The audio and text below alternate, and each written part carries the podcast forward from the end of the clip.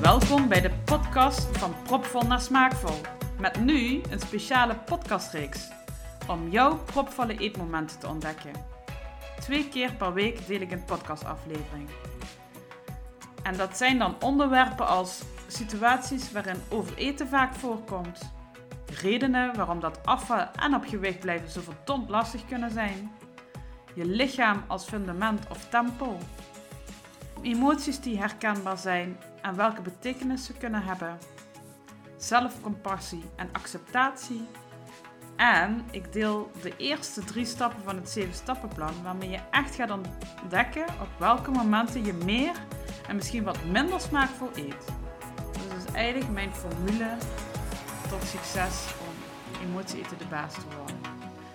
Natuurlijk overgiet ik die onderwerpen allemaal met eigen ervaring of hetgeen ik zie in mijn praktijk. Ga jij mee op ontdekkingstocht?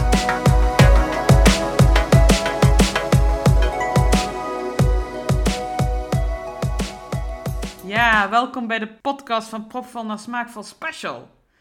En wat betekent die special nu? Ik ga in vier maanden twee wekelijks een podcast delen met heel veel herkenbare, inhoudelijke en nuttige tips waarmee je meteen aan de slag kunt. Ik heb in de intro al genoemd over welke onderwerpen het onder andere zal gaan. Daar wil ik het nu even niet over hebben, want ik wil snel naar het onderwerp van vandaag. Het nieuwe jaar is net begonnen en misschien is er een afslakwens of een voornemen voor het nieuwe jaar. Misschien met een bepaald dieet, met een boek, met een online programma of gewoon zelf.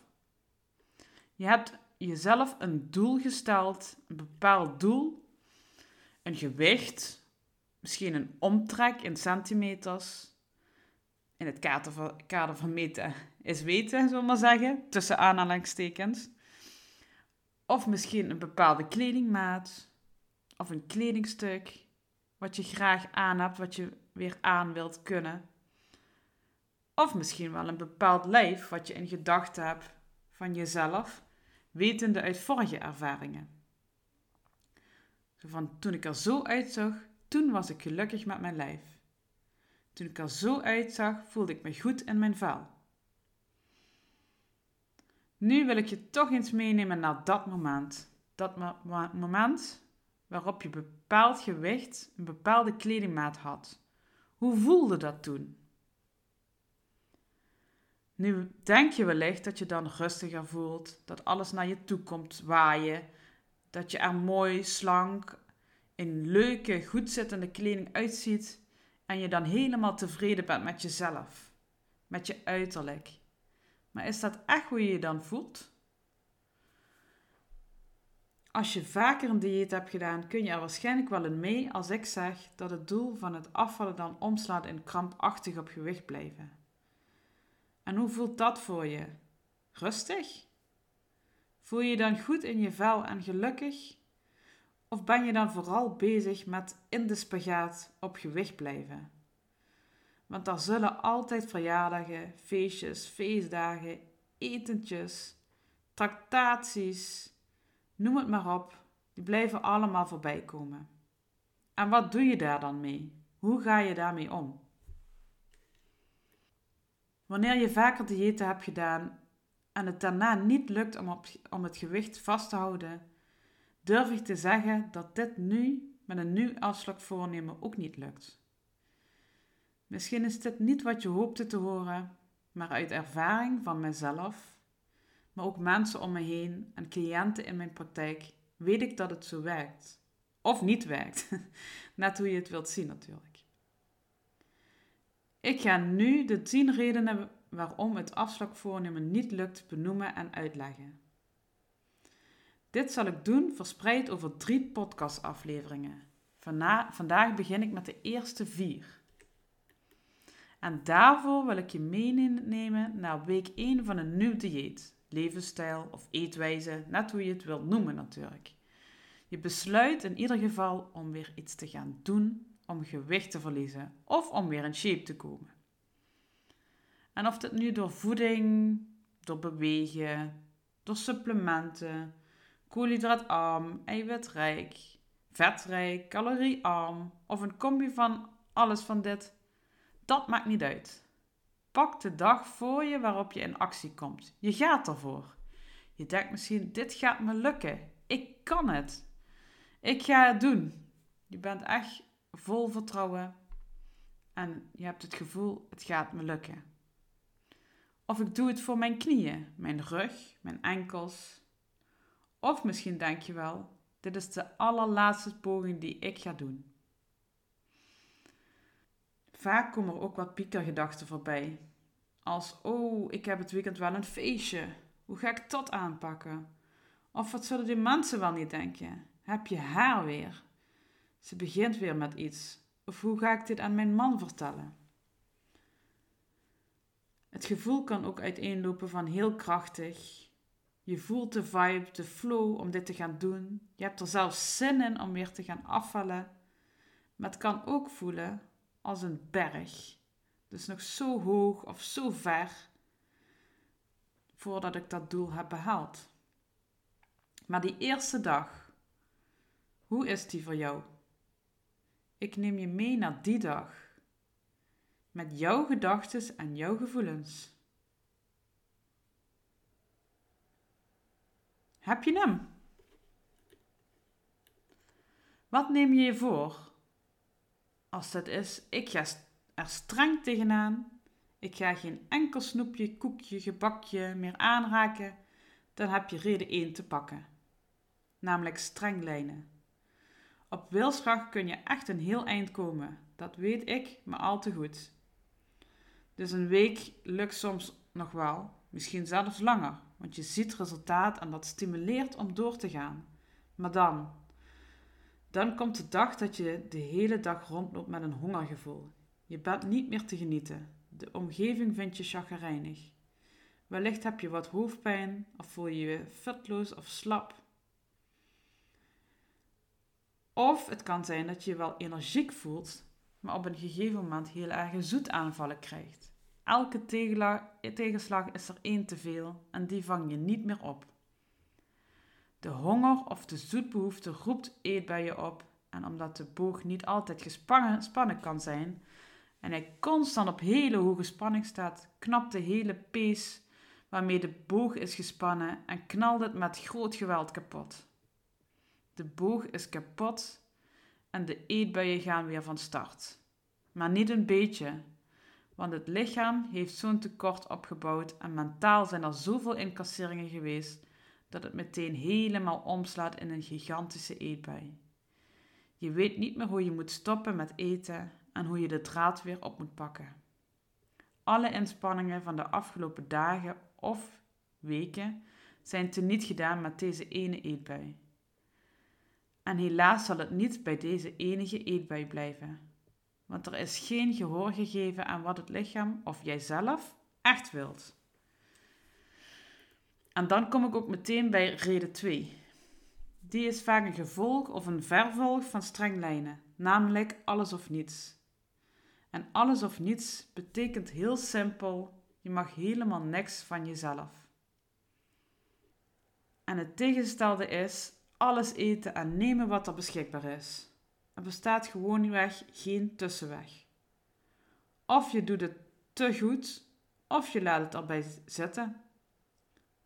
Een beetje het idee van laat maar zitten. Het heeft toch geen zin. Of ik heb geen zin om erover na te denken. En wat het ook is met alles of niets, op het moment dat er een fout gemaakt wordt, hoe klein ook, dan is er zo'n groot gevoel van falen balen dat het doorslaat naar meteen de andere kant, namelijk alles. Dus op het moment dat er een koekje bij de thee is genomen die erbij wordt geserveerd, is het meteen mislukt en gaat alles overboord. Want de dag is immers toch verpest. Er is niks meer aan te doen, dus je slaat door. Beide redenen hebben dus te maken met jezelf alles ontzeggen, streng voor jezelf zijn en niet voelen of leven in het moment. En als je dan zo'n simpel koekje bij de thee of de koffie krijgt en die zit erbij geserveerd, dan kan dat op dat moment gewoon meteen te veel zijn. Je, je kunt dat ook niet meer uh, laten liggen, want alles in je roept dat je dat moet pakken, omdat je tekorten hebt opgebouwd. En daar begint het dan bij dat ene koekje. Maar omdat je denkt dat alles verpest is, en dan komt het what the hell effect en sla je door. En dan ga je dus naar alles. En dan ga je over in een eetbui. Reden 3 is de hoge verwachtingen. Op het moment dat je begint, heb je jezelf een doel gesteld. Bijvoorbeeld um, over twee maanden 10 kilo eraf. De verwachting is dan ook om meer dan 1 kilo af te vallen per week. Maar wat als dat niet lukt? Eén week kan misschien nog wel. Dan denk je, oh, die tweede week, die compenseert dat misschien wel. Maar wat als die derde week ook niet genoeg afgevallen wordt en het gewicht nog niet goed omlaag gaat? Dan komt het doel in de knel. En daar bel je dan ontzettend van. Er komen dan gedachten als: dit schiet toch niet op? Zo heeft het geen zin. Zo ga ik mijn doel nooit behalen. Zo kan ik de zomer toch niet in bikini? Dit gaat veel te langzaam. Al die moeite voor maar 1 kilo. Laat ook maar. Ook al is er al 5 kilo in twee maanden af, dit telt dan niet meer voor mij. Als het zo gaat, verval ik zo in mijn oude patroon.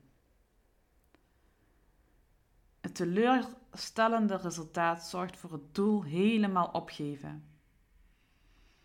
In feite is er hier helemaal geen haalbaar doel gesteld. Er is totaal geen rekening gehouden met onverwachte omstandigheden en er is in principe uitgegaan van twee maanden lang streng lijnen. Anders zou 10 kilo in twee maanden niet haalbaar zijn.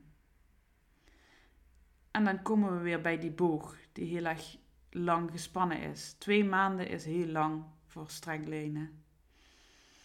En dan is die verwachting of die lat te hoog en zorgt uiteindelijk voor opgeven. Ik hoor in mijn praktijk heel vaak: ik heb geen doorzettingsvermogen of wilskracht. Als het doel al eigenlijk onhaalbaar is, de verwachtingen tussendoor totaal niet worden bijgesteld en ook al als ik je vertel dat het brein van nature altijd beter, beter, beter wilt, dan is het heel logisch dat het doel niet gehaald wordt. Dat heeft dus niks te maken met wilskracht of doorzettingsvermogen. Mijns inziens heeft het nooit te maken met te weinig wilskracht of doorzettingsvermogen. En dan gaan we naar de laatste reden van deze podcastaflevering. En dat is het hebben van verjaardagen, etentjes, tractaties, feestjes, de bekende verleidingen. Sommige mensen zeggen: Ik eet alleen maar te veel in het bijzijn van anderen. In feite doordat je verleid wordt door het zien, ruiken of horen van eten of drinken. Dat activeert een oog, neus of oorhonger. Op deze soorten honger kom ik later in een latere podcast terug. Dit verleid worden door zintuigen noemen we verleidingseten. Mensen geven aan dat er dan ook niet per se een emotie onder zit, maar ze gewoon gezellig met vrienden een hapje eten en drinken. Of dit geen emotie is, daar kunnen we misschien nog om twisten. Want vaak wordt er gegeten en gedronken om van het gezeur van die ander af te zijn, omdat ze vinden dat ze het verdienen of om iemand anders plezier te doen. Dit komt ook heel dicht bij emoties natuurlijk. Maar om iemand plezier te doen, denk aan die heerlijk geurende zelfgebakken appeltaart. Hoe ga je die afslaan? Ook kan het zijn dat je je niet vervuld voelt op een verjaardag. De gesprekken zijn oppervlakkig en bevatten weinig diepgang. Of je voelt je zelfs niet gezien, klein of niet gewaardeerd door bijvoorbeeld een familielid of vriendin. De vervulling kan dan in het eten gezocht worden. In mijn e-learning besteed ik hier een heel hoofdstuk aan om te kijken hoe het komt dat je met sociale contacten altijd gaat eten. Wat ik mensen ook vaak wil zeggen, had ik me zo voorgenomen om geen flight te pakken en doordat iemand zo aandrangt, neem ik het dan toch maar. En tja, als ik dan eenmaal toe heb gegeven, dan ga ik door. En dan is de dag toch al verpest. Hoe klinkt dat laatste? Hebben we dat niet eerder gehoord in deze podcastaflevering? Ja, het is weer alles of niets, hè? Die reden 2 die ik al benoemd heb. Kortom, de vier redenen die, die ik vandaag heb genoemd, komen door een te hoog doel of verwachting.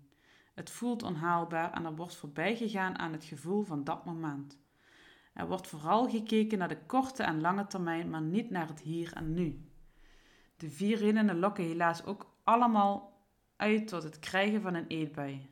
En een eetbui bevat vaak zoveel calorieën dat het verdere lijnen wat ertussen gebeurt, hoe streng ook, totaal geen zin heeft.